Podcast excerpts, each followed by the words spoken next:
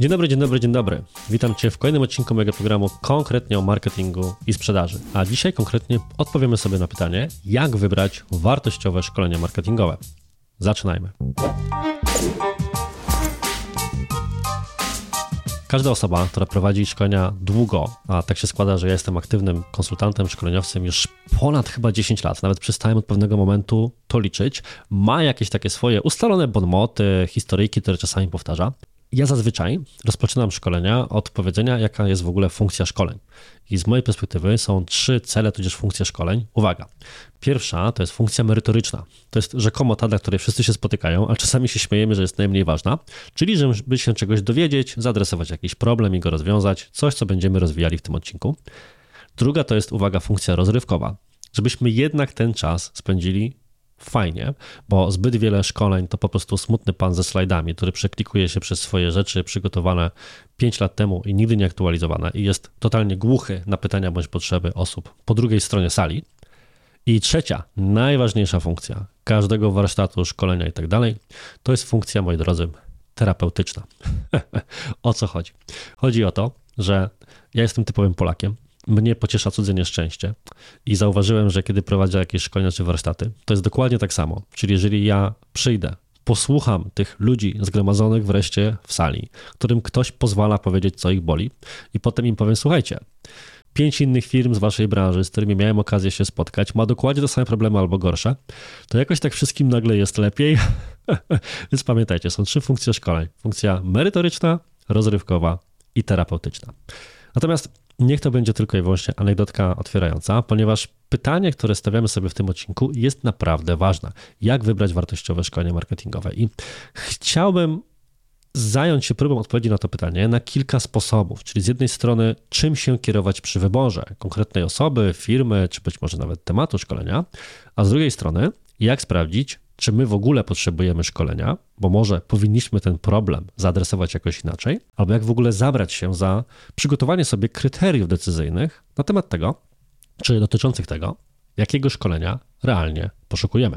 I powiedziałbym tak, de facto są dwa typy szkoleń. Najprościej rzecz ujmując. Czyli z jednej strony są tak zwane szkolenia otwarte, których po prostu zbiera się jakaś grupa z wolnego rynku, ludzie się zapisują z różnych firm, o różnym doświadczeniu i tak dalej, interesuje ich temat bądź konkretny prowadzący, a drugi to tak zwane szkolenia zamknięte, dedykowane, jak tam organizacja zwała, tak zwała, czyli ja się śmieję, taki szkoleniowiec z dostawą do domu. Na zasadzie przyjeżdżasz sobie do konkretnej firmy i spędzasz z nią dzień czy cykl dni, jeżeli mówimy tutaj o cyklu szkoleniowym. Więc pierwszym pytaniem, które należy w takiej sytuacji w ogóle rozsądzić, jest to, jakiego typu szkolenia, spotkania ja potrzebuję. Czy wystarczy mi, żeby reprezentacja mojej firmy, bądź jedna osoba, bądź kilka, pojechała na takie szkolenie otwarte, czy może powinniśmy jednak zamówić sobie kogoś z dostawą do biura. Co zrobić? Jak na to pytanie odpowiedzieć? No powiedziałbym tak. Pierwsza sprawa jest następująca. Jeżeli do opanowania jest konkretna umiejętność, na przykład reklama w jakimś ekosystemie reklamowym, tworzenie jednego przykładowego planu marketingowego, podniesienie umiejętności handlowców w zakresie strategii obrony ceny itd. Tak Czy de facto rzecz sprowadza się do problemu braku wiedzy, czyli jest jakiś temat, którym chcemy się zająć, ale nie bardzo nawet mamy w nim doświadczenie, nie robiliśmy nic w tym zakresie i potrzebujemy, żeby ktoś przyprowadził nas krok po kroku przez to, co musimy o tym wiedzieć, od podstaw i jak się ewentualnie zabrać za dalszą eksplorację tematu. Czyli problem jest z jednej strony na poziomie wiedzy, z drugiej na poziomie inspiracji do dalszych działań, z trzeciej na poziomie poznania pewnego powtarzalnego i w miarę adaptowalnego do wielu branż schematu działania, to rozwiązaniem jak najbardziej może być takie szkolenie otwarte. Ponieważ ja bym powiedział tak, że w kontekście wielu umiejętności, czy to marketingowych, czy sprzedażowych, a z obu tych obszarów zdarza mi się, czy to szkolić, czy prowadzić warsztaty bądź konsultacje, są rzeczy, które są specyficzne. Tak jak każdy mówi, że jego branża jest specyficzna, sytuacja firmy specyficzna i tak dalej. Jedno z najczęściej nadużywanych sformułowań, temat na zupełnie inną okazję i odcinek. Tak, jeżeli chodzi o zawartość merytoryczną szkoleń, to są rzeczy, które są specyficzne i faktycznie na przykład reklama na Facebooku dla branży B2B będzie działać trochę inaczej niż dla sklepu internetowego. Natomiast pewien kanon wiedzy, na przykład rozumienie działania panelu, czy w kontekście umiejętności handlowców rozumienia, jak działa sprzedaż doradcza i jakie są etapy procesu sprzedażowego, o które trzeba zadbać, są w pewien sposób uniwersalne i da się je zastosować zarówno na przykład do sprzedaży usługi wdrożenia sklepu internetowego, jak i do sprzedaży usługi innego typu, na przykład agencji reklamowej, czyli pewien kościec, metodyka podejścia będzie w tym momencie wspólna. Natomiast jeżeli trochę nie wiemy, czego nie wiemy, mamy jakiś wielowątkowy problem, mamy rzeczywiście aż tak niszową branżę, specyfikę czy produkt, że chcemy, żeby ktoś przyjechał do nas, czy chcemy zrobić więcej, bo wiemy, że będziemy skupieni tylko na naszej konkretnej branży czy sytuacji, chcemy całkowicie dopasować takie szkolenie pod siebie, to być może rozwiązaniem faktycznie, nawet w kontekście takiej umiejętności, będzie dla takiej firmy warsztat, szkolenie dedykowane. Ostatnim takim kryterium decyzyjnym, które można wziąć pod uwagę, bo wiąże się również z kwestią ceny, jest kwestia tego, jak dużą liczbę osób chcemy przeszkolić. Bo jeżeli na przykład za daną działkę czy specyfikę, posłuszmy się dalej tym przykładem reklamy na Facebooku, będzie odpowiedzialna tylko jedna osoba i nikt inny z innych działów trochę nie musi mieć tej wiedzy w zakresie, co tam się dokładnie robi i jak, to możemy wysłać tylko takiego specjalistę marketingowego i niech on się tego nauczy i potem to dla nas robi. Natomiast jeżeli jest więcej niż na przykład 4-5 osób, które mają taki temat opanować, albo rzecz z mojej perspektywy kluczowa, jeżeli istotne jest, żeby nawet osoby, które nie będą wykonawcze w tym temacie, również opanowały tę wiedzę, na przykład menadżer, żeby wiedział de facto, jak skomplikowana jest praca specjalisty, właściciel, żeby wiedział, co oni tam de facto robią, że zajmuje im to tyle godzin. I te wszystkie inne pytania, które pewnie nieraz słyszałeś bądź słyszałaś, to może warto zorganizować takie szkolne spotkanie bezpośrednio u siebie w firmie, bo bardzo często, bo tak naprawdę lwia część mojej działalności to są nie tyle właśnie szkolenia otwarte, jeżeli o tym zakresie mówimy, tylko właśnie takie jeżdżenie od firmy do firmy, to może się okazać, że taka dyskusja, która wobec tego się wytworzy, jest kluczową wartością. Bardzo często może się okazać, że musimy inaczej alokować zasoby, godziny pracy, być może potrzebne są nowe osoby, czyli czasami ze szkoleń tego typu wynika, że problem nie tkwi w braku wiedzy, ale na przykład w pewnym poukładaniu zasobów czy procesów po stronie organizacji, przez które nawet wiedza posiadana jest przez zespół nie ma szansy rozbłysnąć, czy jakkolwiek moglibyśmy to elegancko powiedzieć. Więc argument liczby osób, które mają wziąć udział w takim spotkaniu, nie tylko wiąże się z kwestią ceny, tak, że tutaj będzie nas kosztować to, jak przyjedzie pan do nas tyle, a jakbyśmy mieli wysłać analogicznie 8 osób od siebie, to kosztowałoby tyle.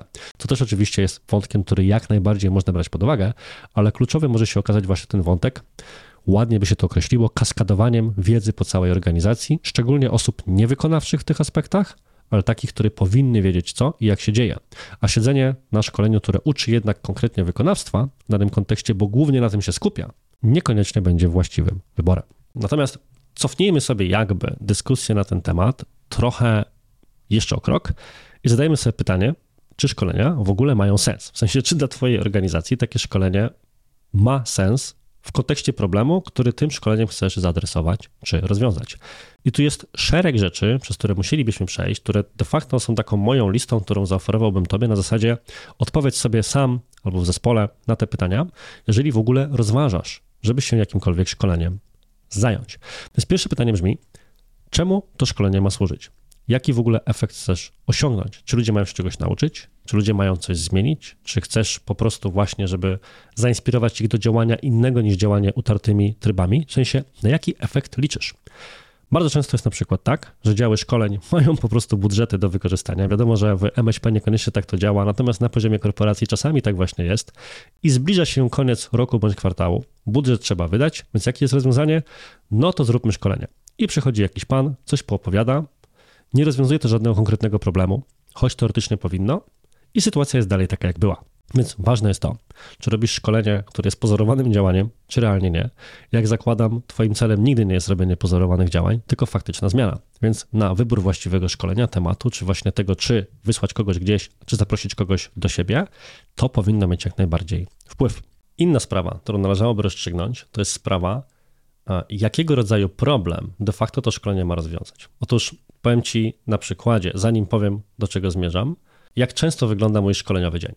Otóż ja przeważnie zaczynam szkolenie do godziny 10 i czasami jest tak, że na etapie przygotowań ktoś mnie e, prosi, że panie Arturze, czy mógłby pan być jednak dużo, dużo wcześniej niż godzina, o której zaczniemy, ponieważ ja bym chciał, chciała panu jeszcze coś powiedzieć, zanim przyjdzie właśnie na otwarcie, bo przez pierwszą godzinę będzie nasz dyrektor, menadżer czy pan prezes. I jak ja słyszę, że tak się zaczyna rozmowa w kontekście szkolenia, to już wiem, co się święci. A przeważnie święci się sytuacja taka, że zespół bierze mnie na stronę i mówi tak, no właśnie, panie Arturze, na pierwszą godzinę, bo dłużej nie może zostać, będzie nasz szef i my mu już od dwóch lat mówimy, że trzeba zrobić to, to, to i to, i bardzo byśmy chcieli, że jeżeli Pan się z tym zgadza, żeby Pan od tego zaczął. Widzieliśmy, że to jest w agendzie, rozmawialiśmy wstępnie, przygotowując się do szkolenia, że jesteśmy on the same page, jak się mówi po staropolsku, i chcemy to zrobić, więc niech Pan proszę od tego zacznie, żeby on wreszcie od kogoś z zewnątrz też to usłyszał. No i to jest coś takiego, co można byłoby nazwać właśnie taką pozamerytoryczną funkcją szkoleń. I de facto wówczas zadaniem szkolenia nie jest przekazanie samej wiedzy, bo ci ludzie wiedzę mają. Zadaniem szkolenia jest przekonanie właściwych osób po drugiej stronie, i podłączenie ich do pewnej metodyki działania. Bardzo często jest to na przykład wtedy, kiedy mamy szkolenia bądź warsztaty, które mają za zadanie zintegrować pracę kilku działów i wyznaczyć poszczególne obszary odpowiedzialności i wytłumaczyć, dlaczego na przykład pewne działania mają się zadziać. Często jest po prostu tak, że wiadomo jak to w firmach, biega się z etaczkami, czasami do połowy pustymi, bo jest tyle roboty, że nie ma czasu ich załadować, jak w tym starym dowcipie. I szkolenie jest nie tyle miejscem na wykazanie się właśnie przekazywaniem, transferem wiedzy merytorycznej, ile tym momentem refleksji, które ma za zadanie wyznaczyć jakieś działania, wytłumaczyć wszystkim kontekst, dlaczego właściwie jakąś zmianę próbujemy wdrożyć, po co coś jest i gdzie właśnie kończą się albo zaczynają zadania dla poszczególnych działów, i żeby móc tak spojrzeć właśnie z perspektywy całego naszego procesu sprzedażowego, lejka marketingowego, generalnie działań wewnątrz organizacji, co my właściwie chcemy zrobić, dlaczego to robimy i dlaczego właśnie ktoś konkretny ma wykonywać jakieś tam drobne zadanie, którego nie do końca rozumie, a które jest ważne z perspektywy całego procesu marketingowego. Bardzo prosty przykład. E, miałem sytuację z pewną firmą, która nie była w stanie doprosić się od handlowców zbierania, spisywania i przekazywania pytań, które klienci zadawali podczas rozmów.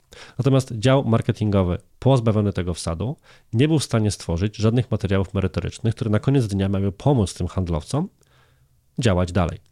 Problem wydawałoby się banalny, w sensie dałoby się to zaadresować być może spotkaniem, być może jakimś wewnętrznym memo czy cokolwiek. I uwaga, no oczywiście, że tak próbowano, ale i tak nie dało to żadnej pożądanej zmiany. Okazało się, że potrzebne było jednak zorganizowanie spotkania, warsztatu z takim panem z zewnątrz jak ja, który przyjdzie, wszyscy się spotkają w jednym pomieszczeniu, a nie na mailach i kolach, porozmawiają o tym, wyrażą wszystkie obiekcje, wątpliwości i znajdzie się potencjalne rozwiązanie, które okazało się w ogóle dość proste, mianowicie za każdym razem, kiedy handlowcy, na których główną barierą był w ich mniemaniu brak czasu na spisywanie później tych pytań i przekazywanie ich działowi marketingu, podłączali po prostu na przykład na kopii do niektórych wybranych maili osoby z zespołu marketingowego, żeby widziały nie tylko to same pytanie, ale również merytoryczną odpowiedź handlowca. Innym rozwiązaniem było po prostu powstanie dedykowanego kanału na Slacku pod nazwą Pytania klientów, a ponieważ ta firma, mimo że pracująca stacjonarnie, korzystała również ze Slacka do wewnętrznej komunikacji, to bardzo łatwo było przekopiować pytanie i już nawet bez kontekstu wrzucić je później na dedykowany kanał, bo było wiadome, że po takim szkoleniu, warsztacie wiadomo już po co to jest, kto to robi i że warto to robić. I wiadomo, codziennej pracy nie obędzie się również bez regularnego przypominania o istocie tego, ale był ten jeden moment, który, jak to się ładnie mówi, był triggerem, tym zapalnikiem, impulsem do wdrożenia konkretnego działania. Być może jest tak, że szkolenie czy warsztat w Twoim konkretnym przypadku będą miały właśnie takie cele, a niekoniecznie cele czysto merytoryczne. Kolejny bardzo ważny wątek jest taki, żebyś już szykując się do szkolenia, zebrał oczekiwania, potrzeby osób, które mają w nim uczestniczyć. I tu anegdotka. Miałem kiedyś taką sytuację, gdzie jedno z ministerstw zgłosiło się do mnie po cykl szkoleń z marketingu właśnie dla zespołu tegoż ministerstwa, więc fantastyczna sprawa. Ja ustalałem wszystko z osobą, która zajmowała się organizacją tego szkolenia i następnie, kiedy przyszło do samego szkolenia w siedzibie, to zaczęły dziać się rzeczy dziwne. Na przykład przychodzę, mamy pierwszy blok, rozpoczynamy pracę, mija półtorej godziny, jest przerwa i nagle okazuje się, że połowa sali zniknęła.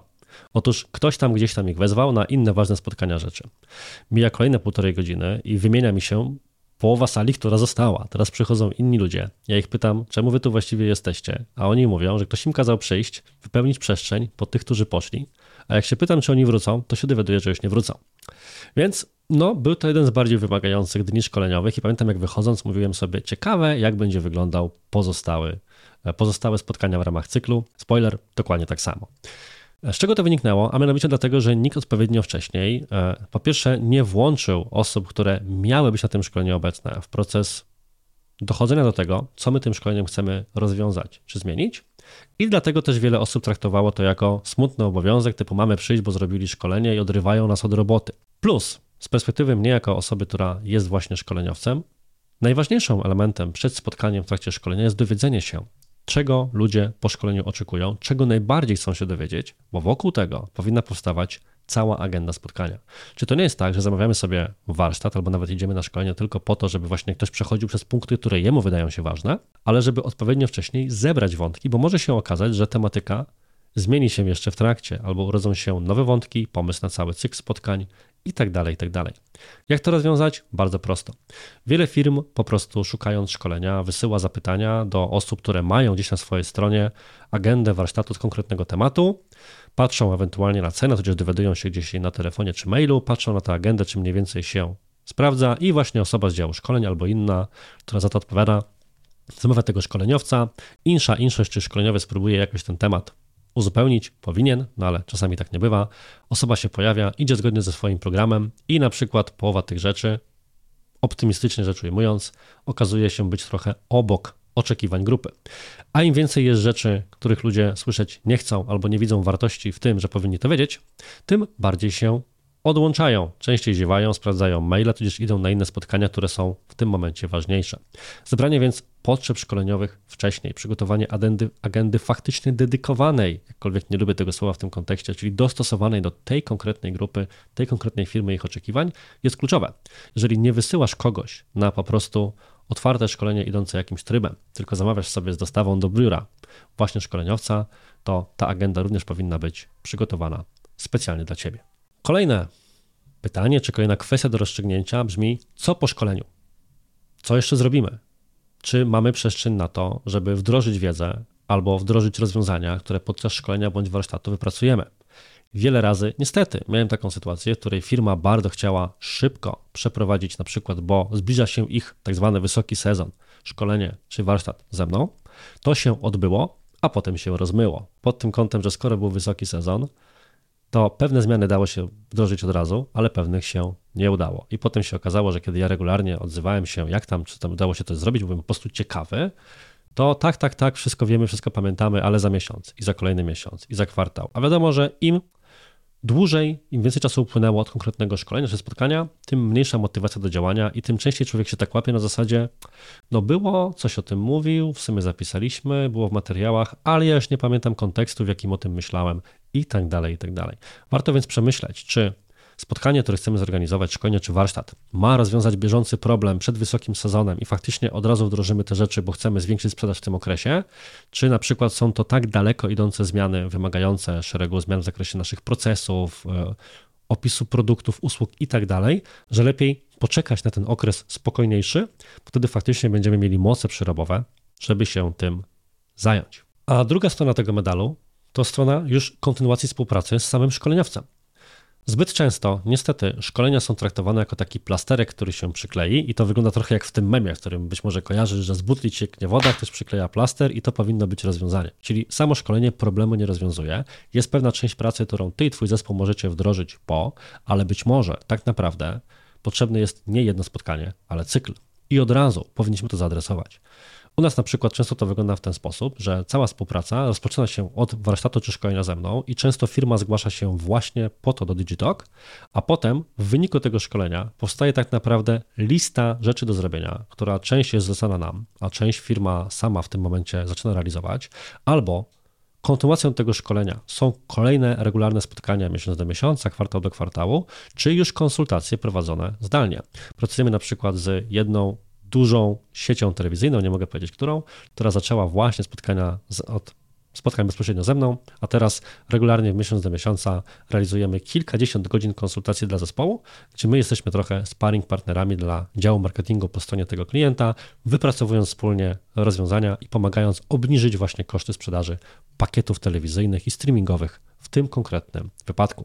Być może więc warto z góry zaplanować tego typu daleko idącą zmianę, w sposób następujący. Niech to nie będzie tylko jednorazowe spotkanie, bo potem cała odpowiedzialność jest wyłącznie po naszej stronie i może nam zabraknąć czasu, krzepy, motywacji, innych elementów, żeby faktycznie skorzystać z tego, co szkolenie miało nam zaoferować i pomóc wypracować, ale może lepiej jednak zastanowić się z góry i porozmawiać o tym, żeby to było faktycznie zarządzanie pewną zmianą, czy przeprowadzenie cyklu, który wówczas rozłożony etapami na kawałki może nam pomóc taką zmianę wdrożyć. Przechodząc już natomiast do tego, jak wybrać już na przykład konkretne szkolenie, czy, konkretnego, czy konkretną tematykę, no to tak naprawdę wybór szkolenia jest wyborem osoby, która ma je prowadzić. Czasami oczywiście patrzymy pod kątem firmy i ufamy, że jeżeli firma ma wysoką renomę, to ma oczywiście wysokiej klasy specjalistów u siebie, którzy będą tak samo dobrzy. Natomiast bywa różnie w tym sensie, że różne osoby mają różne style komunikacyjne, które mogą nam bardziej bądź mniej odpowiadać.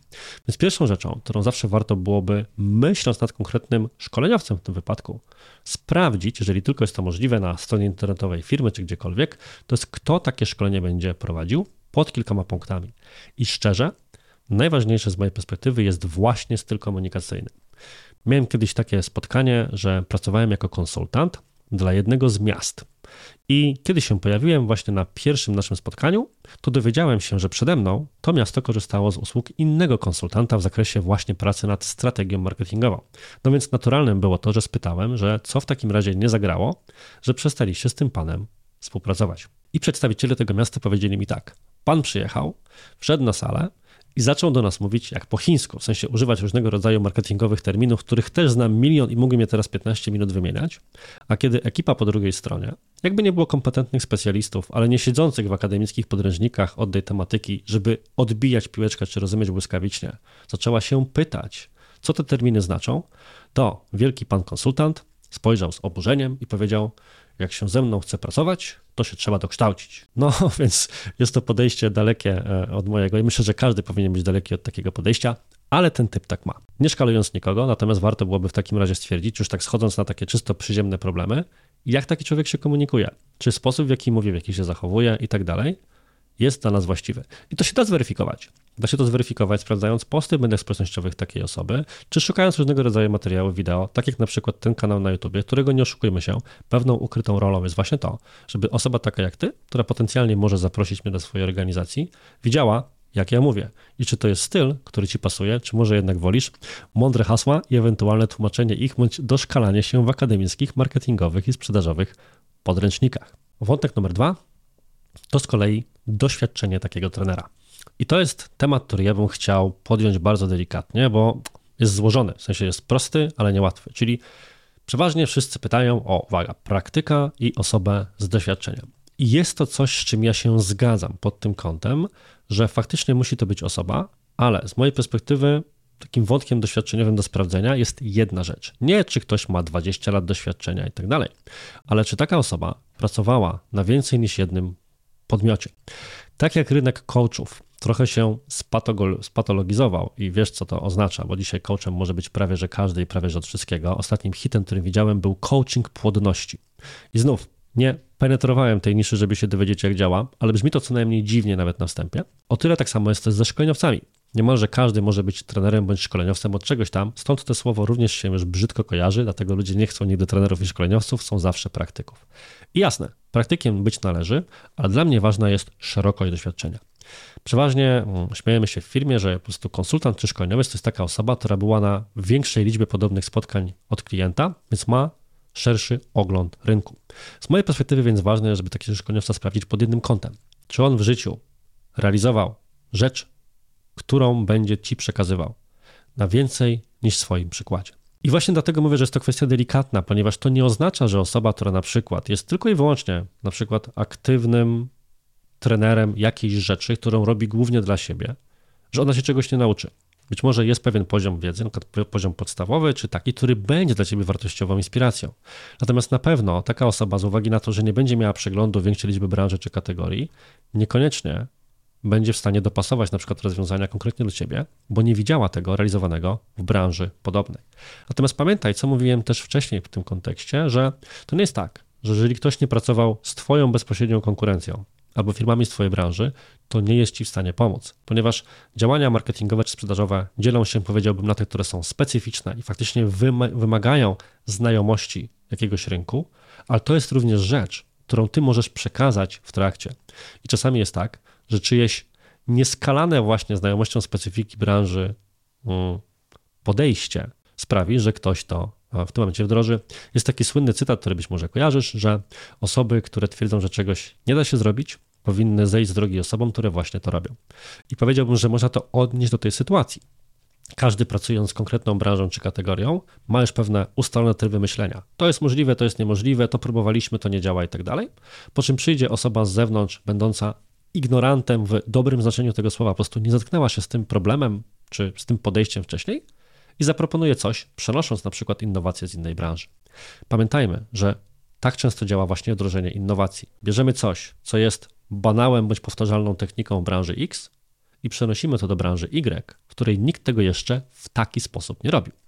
Więc doświadczenie jest ważne, ale patrzyłbym raczej na szerokość tego, czy ktoś właśnie zerknął się z kilkoma, kilkunastoma podobnymi kategoriami, branżami, firmami, a niekoniecznie tylko właśnie na to, że musi koniecznie 20 lat spędzić na produktach bądź usługach takich jak nasza, bo inaczej ten człowiek nie ma nam nic do zaoferowania. Co wiąże się z moim punktem kolejnym, czyli doświadczeniem w rozumieniu lat doświadczenia. I to jest tak, że tak jak Ci powiedziałem, ja szkolenia prowadzę już przeszło 10 e, lat, natomiast nie jestem aż tak stary, jak wyglądam, co oznacza, że zaczynałem, to byłem stosunkowo młody. I z tego tytułu często spotkałem się z pewną dyskryminacją. W sensie jechałem do jakiejś firmy i ta firma tak na mnie patrzyła, w sensie zwłaszcza jakiś menadżer, który mógłby być moim ojcem, że co ten tutaj za przeproszeniem szczyl może nas nauczyć. Oczywiście nikt tego nie werbalizował, ale mówiąc delikatnie, dawało się to wyczuć w powietrzu czy podejściu. I byłem już nauczony przez wiele lat, że takim osobom trzeba po prostu bardzo szybko pokazać, że faktycznie coś tam się już w życiu widziało i robiło i merytorycznie po prostu pokazać, że w tym temacie to jednak my jesteśmy tą osobą bardziej doświadczoną. I właśnie dlatego jestem bardzo wyczulony na coś, co chyba się nazywa de facto ageizmem w biznesie. Do czego dążę? Dążę do tego, że pamiętaj, że można mieć 10 lat doświadczenia zdobytym po prostu na pracy w jednym stanowisku, robiąc cały czas to samo, a można mieć 3 lata, robiąc to na 30 projektach. To jest powód, którego często się śmieję, że człowiek w agencji reklamowej, a jedną z moich linii biznesowych jest właśnie agencja marketingowa, starzeje się dwa razy szybciej i doświadczenie nabywa trzy razy szybciej. Bo jeżeli ja w ciągu dnia mam tak naprawdę styczność na przykład z dziesięcioma projektami z dziesięciu różnych branż, to ja nabywam 10 lat doświadczenia jednocześnie. Oczywiście daleki jestem od tego, żeby zestawiać pracę na jednym projekcie, nad całą branżą jako taką, ale myślę, że doskonale wiesz, co przez to mam na myśli. Czyli ponownie, patrzymy nie na to, ile ktoś ma lat, ale czy po prostu w danej działce faktycznie będzie nam mieć coś do zaoferowania, nad jakimi projektami pracował, jak szerokim portfolio może się pochwalić, jakie logotypy ma na stronie, jakie opinie zebrał i tak dalej, i tak dalej, czyli te wszystkie rzeczy, które wiem, że pewnie nieraz weryfikujesz właśnie na etapie takiego szkoleniowca, natomiast na pewno nie patrzyłbym na wiek. Wreszcie ostatni taki element, no przedostatni element, to jest zweryfikowanie, czy to szkolenie na pewno będzie dla Ciebie pod dwoma konkretnymi kątami. I teraz jakbym miał powiedzieć, jakie jest najczęstsze pytanie, które ja dostaję na etapie, kiedy szykuję agendę, czy rozmawiam właśnie z firmą na temat warsztatu bądź szkolenia, które mam przeprowadzić, to jest to pytanie, uwaga, czy będą ćwiczenia. Rozumiem, z czego to pytanie wynika. Wiele osób jest rażonych do szkoleń, które właśnie wyglądały tak, jak mówiłem na samym początku tego odcinka, do szkoleń typu smutny pan ze slajdami. Czyli ktoś przychodzi, odpala prezentację w PowerPoincie, na których jest wiele mądrych haseł i to jest taka forma czysto wykładowa, pachnie po prostu uniwersytetem i tak dalej. Zero dyskusji, zero tworzenia jakichś rzeczy, więc no, Nikt nie chce się uczyć tylko i wyłącznie słuchając, coś trzeba jeszcze sprawdzić. I są oczywiście takie umiejętności, rzeczy, które, jak to ładnie brzmi po angielsku, learning by doing, czyli faktycznie musimy spróbować to wdrożyć, żeby to zrobić. Ale szczerze, należy też uważać, żeby nie przegiąć w drugą stronę. Bardzo często spotykam się z takim podejściem, że wymagane jest ćwiczenie niemalże w każdym module, a to jest rzeczą, rzeczą, czy to jest rzecz, która potrafi zantagonizować grupę, ponieważ to, czego najbardziej nie lubią ludzie na szkoleniach, to nie lubią ćwiczeń dla samych ćwiczeń, czyli takich, z którymi nic nie można użyć. Podam na przykładzie. Jeżeli ja robię z ludźmi podczas szkoleń z reklamy, na przykład na Facebooku czy w Google, jakieś konkretne ćwiczenie, to zawsze robię je na przykład w taki sposób, żeby po jego zakończeniu można było zapisać grupę docelową, którą na przykład wypracowaliśmy w ramach ćwiczenia i używać jej później w już gotowych kampaniach, zapisać sobie cały szkielet kampanii, czy mieć już coś zbudowanego na swoim koncie reklamowym. A nic gorszego na przykład niż szkolenie, które po prostu jest analizą jakiegoś przykładu, czy zrobieniem czegoś, co jest fajnym zadaniem, integrującym być może osoby na spotkaniu. Natomiast nic z tym później nie można zrobić. Więc było to ćwiczenie, które ma sens tylko w obrębie naszego dnia szkoleniowego. Są takie, które być może mają to zastosowanie. Natomiast wspominam o tym wątku ćwiczeniowym tylko dlatego, żeby dać Ci taki kontrapunkt czy inny punkt widzenia, że czasami lepsza jest pogadanka, moderowana dyskusja, po prostu dyskusja, wspólne dochodzenie do jakichś wniosków, niż po prostu ćwiczenie, że teraz podzielmy się na grupy i niech każdy zrobi to i to, żeby sprawdzić, że się na pewno utrwaliło. Być może wcale to nie będzie konieczne. Być może szkolenie czy warsztat z Tobą będzie tylko i wyłącznie moderowaną dyskusją przez kilka godzin i przekazaniem jakichś kluczowych informacji, a cała reszta będzie mogła się już zadziać po stronie zespołu.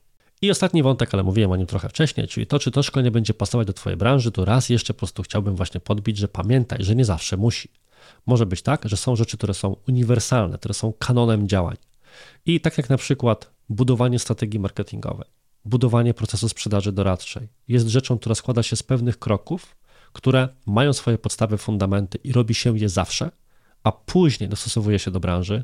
Tak samo na poziomie czysto wykonawczym, na przykład działania social sellingowe przez, realizowane przez dział handlowy, czy działania płatne w ekosystemach reklamowych realizowane przez marketerów, też mają pewien powtarzalny kanon działań, które trzeba zrozumieć. Więc to nie jest tak, że musimy koniecznie szukać warsztatów stworzenia treści w branży budowlanej, bo po pierwsze, takich chyba nie ma. Jest to materiał tylko i wyłącznie do wypracowania wewnętrznie, a po drugie, od tego są właśnie trenerzy, konsultanci, praktycy, hehe, żeby znaleźć rzecz, którą właśnie ty powinieneś zrobić na podstawie pewnych schematów i przeglądu rynku, który te osoby mają. I naprawdę ostatni wątek. Materiały.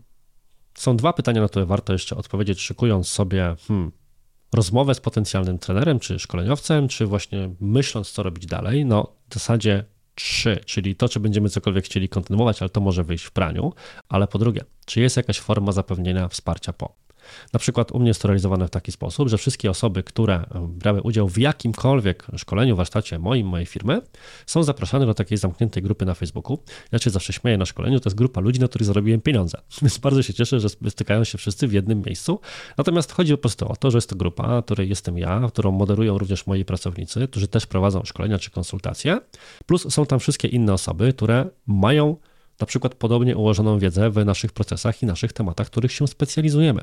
Więc w tym momencie, kiedy pojawia się jakieś pytanie, nawet dwa czy trzy miesiące po szkoleniu, bądź później, to zawsze można albo funkcja terapeutyczna, pocieszyć się, że problem jest u wszystkich taki sam, albo właśnie wypracować wspólnie jakieś rozwiązania i to nie tylko przeze mnie, tylko przez tę całą liczbę innych mądrych głów, zarówno uczestników szkoleń, jak i prowadzących te szkolenia.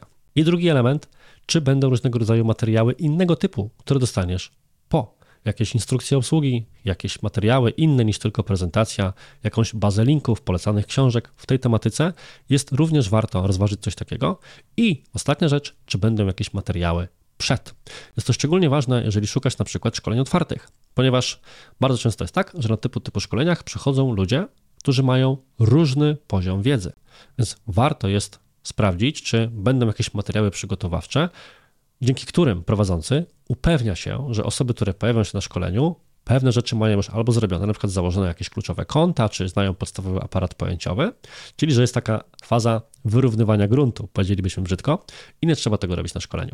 Na przykład, kiedy ja mam swoje otwarte szkolenia z reklamy na Facebooku, to każda osoba, która się na takie szkolenie zapisze, już tydzień, kilka dni przed samym szkoleniem dostaje dostęp do takiego mini kursu online, gdzie jest kilka nagranych rzeczy tłumaczących właśnie podstawowy aparat pojęciowy, pomagających założyć konto, przejść takie wszystkie etapy, które później szkoda byłoby tracić czasu na samym szkoleniu, bo to może grupę opóźnić. A jakby nie było celem jest maksymalizacja e, wiedzy, doświadczenia czy innych rzeczy, które zrobimy podczas każdej jednej godziny, a próba rozstrzygnięcia jakichś kwestii czysto organizacyjnych może ten proces zaburzyć. I nie jest to obowiązkowe, ale wiele osób z tego korzysta i faktycznie to wówczas pomaga. I uf, jak widzisz, mnóstwo jest tych punktów. Gdybym teraz próbował, jak w takich typowych odcinkach podcastu, wyliczać je na sam koniec, to myślę, że prawie że drugi odcinek moglibyśmy tylko z tej wyliczanki zrobić, więc pozwolić, że nie będę tego robił. E, na sam koniec chciałbym Cię zostawić z przekonaniem, że to jest kurczę ciężkie. W sensie wybranie dobrego szkolenia, wybranie dobrego prowadzącego, decyzja na temat tego, czy zrobić to wewnętrznie, czy zewnętrznie, wymaga odpowiedzenia sobie na cały szereg pytań i moim celem w tym odcinku było właśnie żeby dać Ci taką listę pytań, które po prostu wiem, że realnie się pojawiają, bo kiedy to ja rozmawiam z, czy Agnieszka, która odpowiada u mnie za działkę szkoleń, kiedy rozmawiamy z osobami, które są zainteresowane na przykład warsztatami czy szkoleniami prowadzonymi przeze mnie albo przez moją firmę, to to są właśnie rzeczy, które się najczęściej pojawiają, więc zebrałem po prostu je w jedną gotową pigułkę, bo czasami jest tak, że na pewne pytania człowiek wpadnie sam, a czasami nawet się nie wie, o co się powinno zapytać. I to być może właśnie będzie dla Ciebie pod tym kątem przydatne. Jeżeli byłbyś zainteresowany tego typu szkoleniami realizowanymi przeze mnie bądź przez moich ludzi, to oczywiście link do takiej całej naszej oferty czy informacji, co w zasadzie robimy, w czym się specjalizujemy, będzie w opisie tego odcinka. A tymczasem życzę Ci wszystkiego dobrego. Do zobaczenia w przyszłym tygodniu i cześć. My cały czas szukamy, się śmiejemy w firmie, że głównym wyzwaniem marketingu jest wizerunek prezesa jako sztywniaka. Ja się ubieram jak ubieram. Dzisiaj jestem casualowa, panowie. Serio, ja tak do, po domu chodzę, nie? Swoją drogą. Naprawdę. Tylko bym marynarkę zdjął. Do tego dochodzi właśnie, że jak nagrywasz, to masz taki styl mówienia jakiś masz i na przykład czasami ludzie się spotykają i częsta reakcja jest taka, że o, ty na przykład masz poczucie humoru. Albo gadasz o kupie, nie? Czy takie inne rzeczy. Pracownicy są zdziwieni zawsze, nie?